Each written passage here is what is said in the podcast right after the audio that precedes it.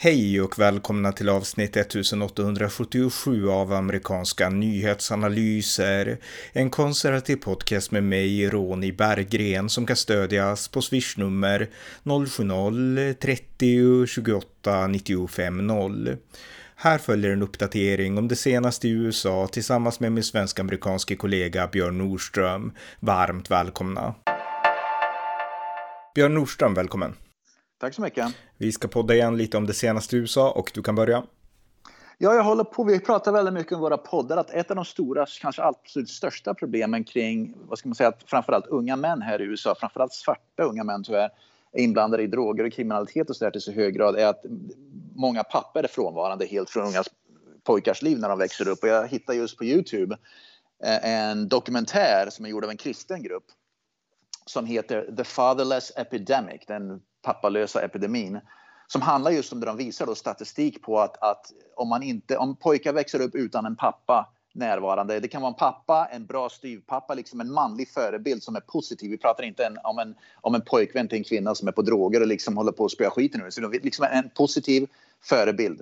Uh, då ökar liksom risken för kriminalitet ökar enormt. Risken för liksom allt ökar enormt som har negativa konsekvenser för samhället och som framförallt då är negativa konsekvenser för, för barnet och pojken i frågan framförallt. Då.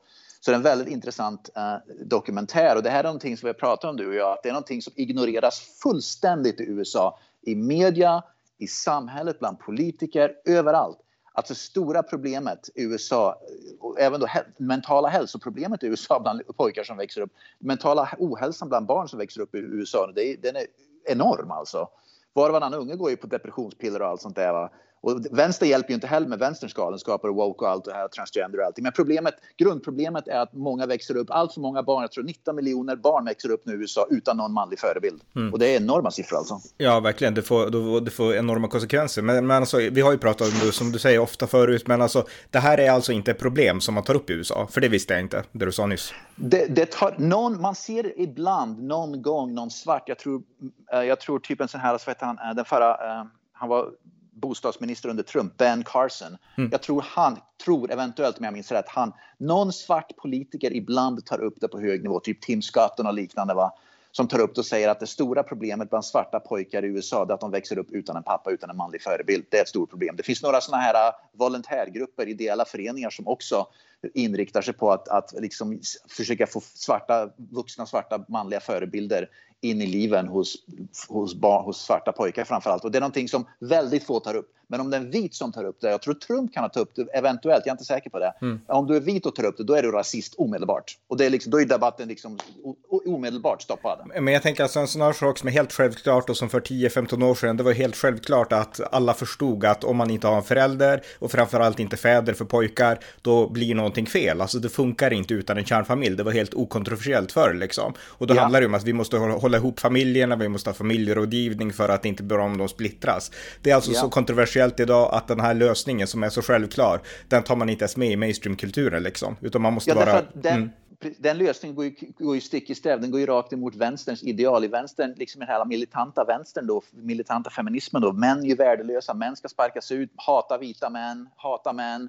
Och även då det här att det ska vara liksom trans då, gå före män, liksom att allt Män har ingen har ingen funktion längre i samhället som papper och förebilder för, för barn och framförallt för pojkar. Va? Det är det vänster vill ha det till. Va? Men de har ju helt fel, det förstör ju pojkars liv. Vänstern här i USA har ju fullständigt förstört den svarta, liksom, the black community här i USA genom att hålla på sådär. Va? Och sen istället så är lösningarna då, då ska staten komma in. Det är precis som i Sverige. Först ska man få bort papperna från barnens liv och pojkarnas liv och sen ska staten komma in och fixa problemen istället. För det är staten som är lösningen på det hela. Va?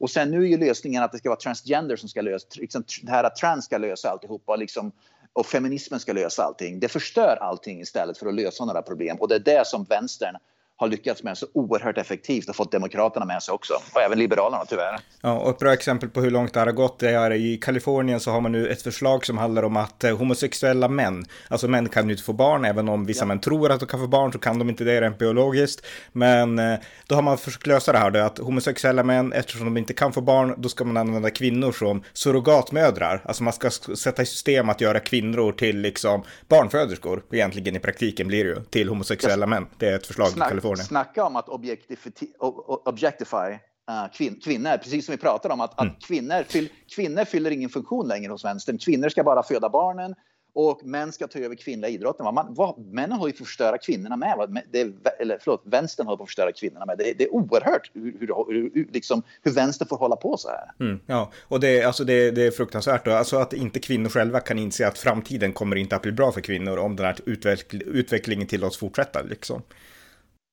Nej, men det är väl därför de här som Riley Gaines och den här andra kvinnan som pratar om, det är väl därför allt fler börjar liksom gå emot det här nu mer. De vågar ta den här striden. Mm.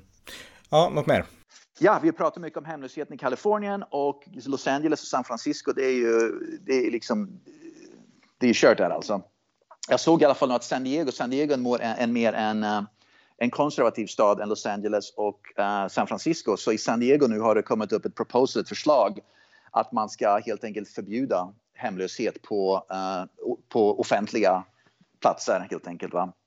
för att stoppa det här. Och det var, ju, det, var ju det här som tog upp här i Phoenix där jag bor då, alldeles nyligen med. Men det var inte politiker som gjorde det. det var ju, här i Phoenix har stämde. Det var ju då massa företag då som fick negativ påverkan av hemlösheten. Med andra ord, de hemlösa liksom, de satt och sket på, deras, liksom, på dörröppningarna och liksom satt med kanyler och höll på med droger och pissade på deras liksom, på deras företagsfönster och liksom rånade kunder och så vidare. Och så, vidare va? Mm. så då fick ju många företag nog av det här i Phoenix. De gick till domstolen och slog ihop sig som företag, gick till domstolen, stämde sitt, eh, staden Phoenix, kommunen Phoenix och vann.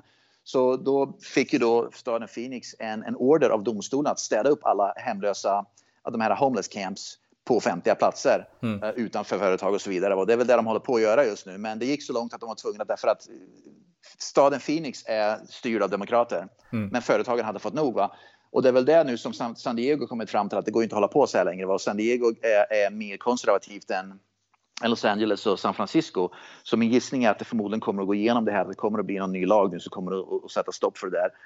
Men problemet är vad gör man, vad, vad gör man med alla de här zombies som, som promenerar omkring då, som, är, som, som, liksom, som är på droger och hemlösa och allting. Jag tror att San Diego ville spendera 160 miljoner dollar motsvarande 1,6 miljarder svenska kronor på att hitta, att, att hitta bostäder åt dem. Men problemet är att södra Kalifornien där San Diego ligger det är så in i helvete dyrt med bostäder där. Det är liksom tre, fyra gånger så dyrt som här i Phoenix. Och, och, och dessutom är det en enorm bostadsbrist. Så det finns ju inga bostäder. Alltså, vad gör man med dem helt enkelt? Nej, liksom, och det, och det hjälper ju inte när de har de här problemen. Alltså när de är helt utslagna av droger och helt alltså, borta av psykiska sjukdomar som de har fått på grund av drogmissbruk och social utsatthet. Så jag menar, de behöver ju hjälp, alltså social hjälp på ett helt annat sätt. Och Trump föreslog ju stora tältläger med läkare ja. och med olika sådana saker bara för att få bort de här områdena som sprids i hela USA. Så att, eh, nej, jag tror inte lokalpolitiker har liksom förmågan att lösa det i, i sådana städer, tyvärr. Det var jag såg, det, var, det finns en positiv grej, men det är en, liten, en mindre stad som styrs av republikaner. Vi nämnde det i podden för några veckor sedan. Jag kommer inte ihåg vad staden heter, men i alla fall, det är Kalifornien med. Det var någon mindre ort i norra Kalifornien som styrs av republikaner som helt enkelt har fått bort hemlösheten genom att just instifta massa sociala program. Andra ord, vi hjälper dig med bostad, men då ska du samtidigt också gå igenom liksom att av, du ska avdrogas, du måste, vi måste, hjälpa, du liksom måste börja jobba med andra ord, helt, hela program som liksom som samhället sätter in då som ett skyddsnät för att hjälpa den där personen. För att de inser att det inte bara är frågan om att trycka in dem i lägenhet någonstans. Det är ett helt program som man måste liksom sätta in för att hjälpa till och det har tydligen fungerat väldigt, väldigt, väldigt bra och det är väldigt, väldigt effektivt. Så den orten, jag minns inte vad den heter, men det var några poddar som vi pratade om just den orten, då nämnde vi, då nämnde vi namnet på staden. Mm. Där har de fått bort hemlösheten helt och hållet. Mm. Och vi har ju pratat om det här i flera år, alltså vad som händer på västkusten och i storstäderna och du har sett de här sakerna och så, men det har kommit ja. ut en väldigt bra bok som jag nyss har läst som jag tänkte tipsa om och det är faktiskt en svensk vanlig journalist. Det är Svenska Dagbladets USA-korrespondent Malin Ekman som har skrivit en bok som heter Skymning i Amerika. Och eh, jag menar, när vi följer journalister och så, så vet vi att de har ett helt, alltså du som bor i USA och lever där, alltså skillnaden i kontrasten mellan vad du berättar och vad svensk journalistik förmedlar, den är ganska stor och du har rätt och de har fel generellt. Eh, men här har vi då Malin Ekman från SvD som har rest runt på västkusten, hon har varit i Portland, Oregon, hon har varit i Seattle Washington, eh, hon har gått omkring där på Skid Row i San Francisco och så vidare. Eh, eller det är, väl, det är Los Angeles såklart, men alltså i, i, i de här ja. områdena i San Francisco ja. och ja, hon har sett alla de områdena, hon skriver om det liksom och berättar exakt det du sa nyss, liksom att det, det alltså om den sociala misären och eh, de här tusentals som bara strövar runt. Och jag menar, det är sånt som, det har inte rapporterats om det i Sverige, därför att det här är ju en konsekvens inte av konservativ politik, för konservativa har ingenting att säga till om i de här delstaterna, utan det är en konsekvens av progressivismen och den liberala politiken. Och jag tror att hon är den första liksom riktiga journalist som verkligen berättar om det här. Jag menar, jag skriver om det här i min bok också, om Donald Trump, men, men min bok är mer, alltså, det här är ju mer objektiv, liksom journalistisk bok. Så att eh, hoppingivande skulle jag säga med en sån här rapportering. Ja, är alldeles utmärkt, det det som behövs. Svensk media är oerhört usel i sånt här. Jag tror det finns flera anledningar. Nummer ett så tror jag att de är totalt oinsatta. De vet inte vad som pågår. Följer man bara CNN och, och, och eh, Washington Post och New York Times då vet man ju inte vad som pågår i faktiska verkligheten. Och nummer två, de vill inte rapportera vad som pågår i de här demokratiskt styrda städerna och delstaterna. Därför att då får kanske svenska folket en helt annan uppfattning om vad demokraterna och vänster vänsterliberaler sysslar med här i USA. Och då mm. blir det inte genast lika attraktivt, då förlorar de narrativet och då helt plötsligt så kanske svenska folket får en annan uppfattning om hur saker och ting ska styras. Utan man, det, här, det här är, tror jag också ett, ett medvetet val att man gör. Man vill inte att svenskarna ska få reda på vad som faktiskt pågår. Och det vet vi ju med det här med invandringen i Sverige. Det är precis samma sak. Man vill ju hålla liksom svenska folket totalt vad ska man säga, i mörkret, vad som egentligen pågår. Mm, med, med, den. Ja, men en hoppingivande bok i alla fall i det här mediemörkret tycker jag. Eh, det låter alldeles utmärkt. Ja. Något annat? Ja, vi jag nämnde för, en, för några poddar sedan att eh, det här, vad ska man säga, konflikten mellan, vad ska man säga, det här woke och trans och hbqt och, och islam och muslimer här i USA börjar växa. I Michigan, delstaten Michigan, det var det här jag nämnde för några poddar sedan, i delstaten Michigan så vill delstatspolitikerna skriva en lag som gör att, att hbqt överskrider och prioriteras över religionsfrihet. Med andra ord att om religionsfrihet och hbqt klaschar, då, ska det, då är det hbqt som ska få rätt. Med andra ord att konkret så kan det betyda att, att i kyrkor och även då i, i moskéer så måste man eh, vara hbqt-vänlig och, liksom, eh, ja, och, och, och liksom låta drag queens hålla föreläsningar och så vidare. och sånt där, va? Men när kristna sätter sig emot det, då blir det, då är man genast då transofob och homofob och allt sånt där. Va? Men i, i delstaten Michigan så är det en muslimsk grupp nu, muslimer som har börjat motsätta sig det där. Då, då vågar man inte riktigt attackera på samma sätt.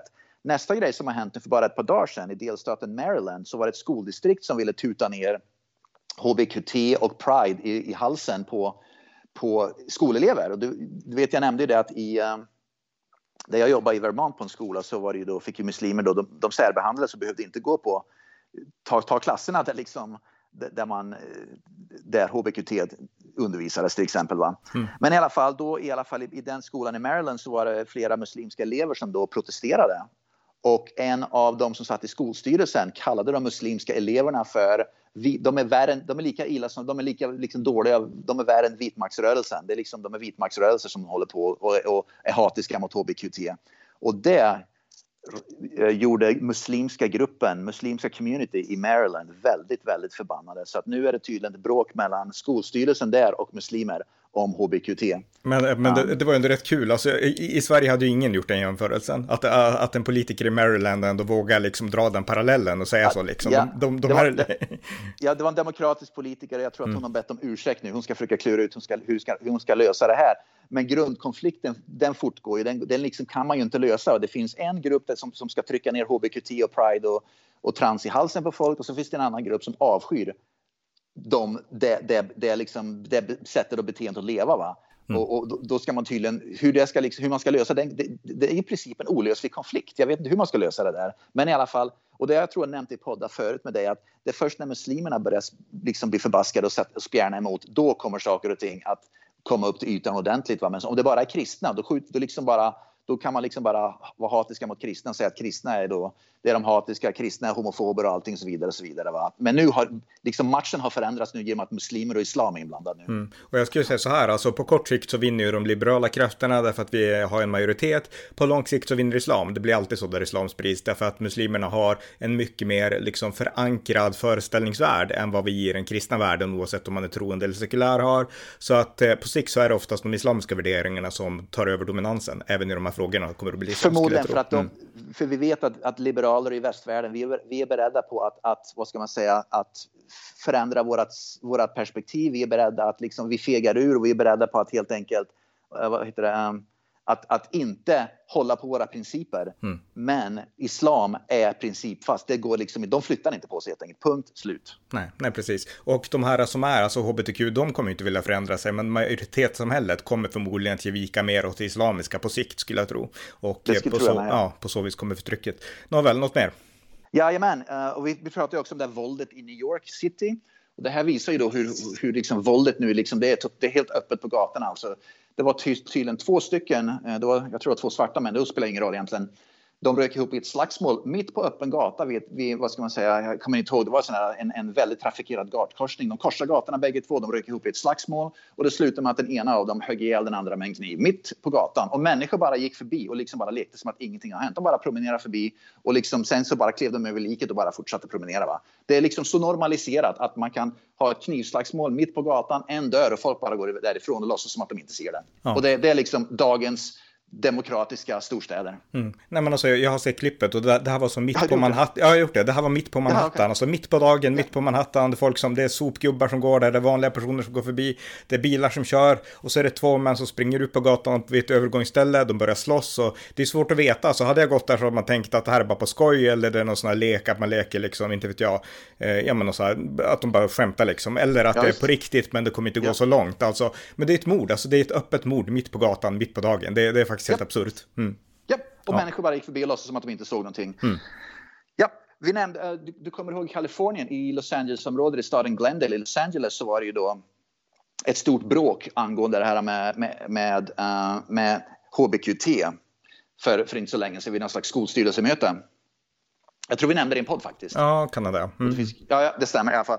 Och i alla fall tydligen, det är tydligen så att de här HBQT-förespråkarna hade jämfört de, det var tydligt, de hade upprört armeniska invandrare från Armenien då kraftigt för att hbqt-förespråkare hade då jämfört att hbqt-personer i USA i staden Glendale, skolstyrelsen då, de hbqt-personer blir behandlade på samma sätt som Armeniens folkmord för mm. några hundra år sedan ungefär. Så man jämförde folkmordet i Armenien med hbqt-behandlingen idag.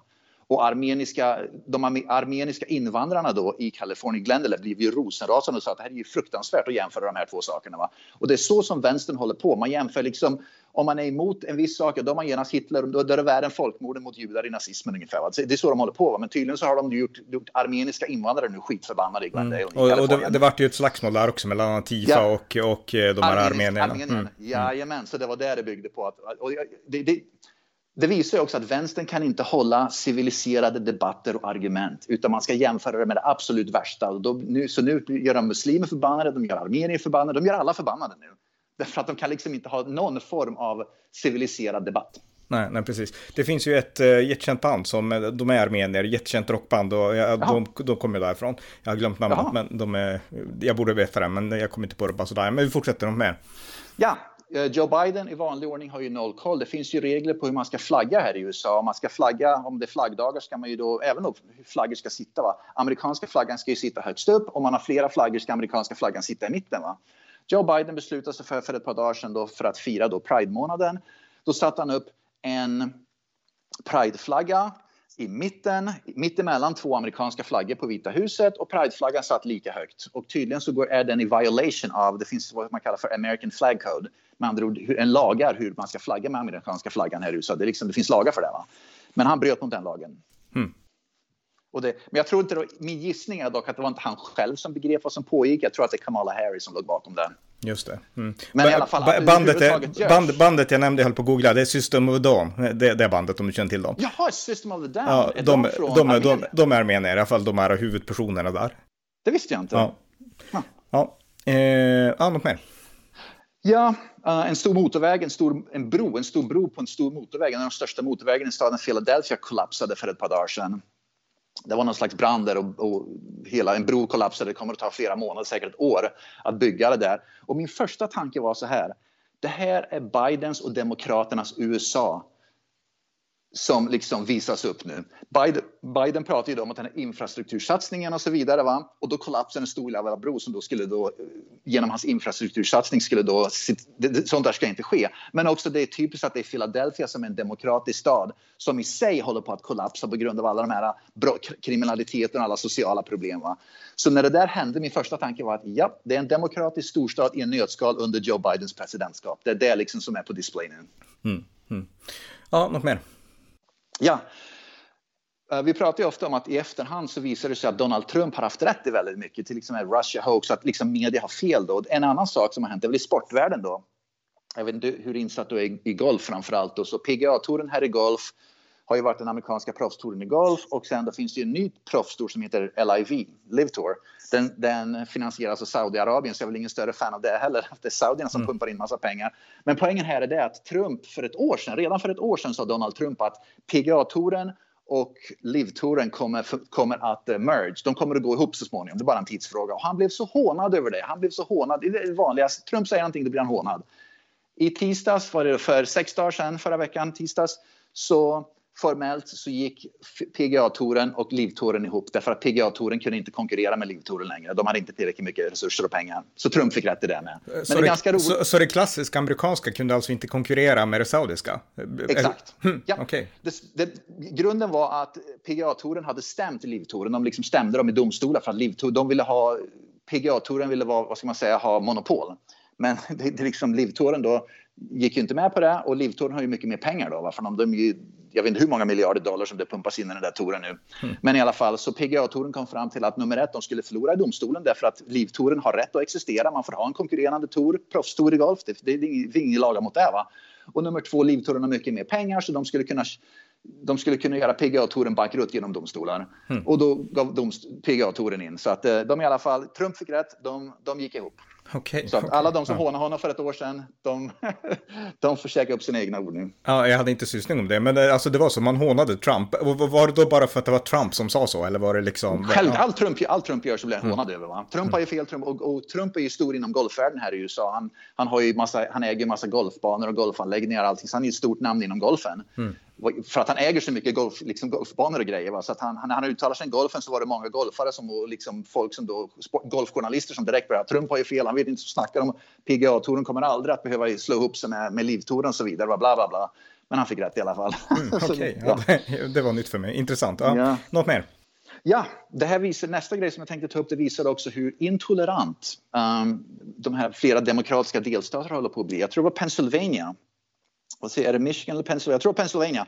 Det var i alla fall en eh, under den här Prideveckan som, som pågår just nu, eller Pride-månaden rättare sagt. Så var det, ja, Pennsylvania, ja. Så var det en sån här eh, HBQT Pride-event. Du vet, ett tåg med HBQT, de hade events där HBQT-personer skulle läsa böcker och sagor och så vidare. Va? Och då var det en man som stod, användes av sin egen yttrande, användes av den amerikanska yttrandefriheten och han läste citat ur Bibeln. Han bokstavligen ställde sig där vid det här HBQT-eventet och bara läste citat ur Bibeln. Han blev arresterad, han blev anhållen av polisen.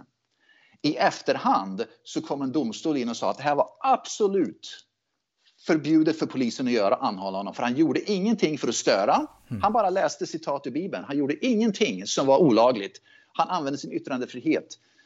Men han blev ändå anhållen, vilket är inte ett skvatt förvånande därför att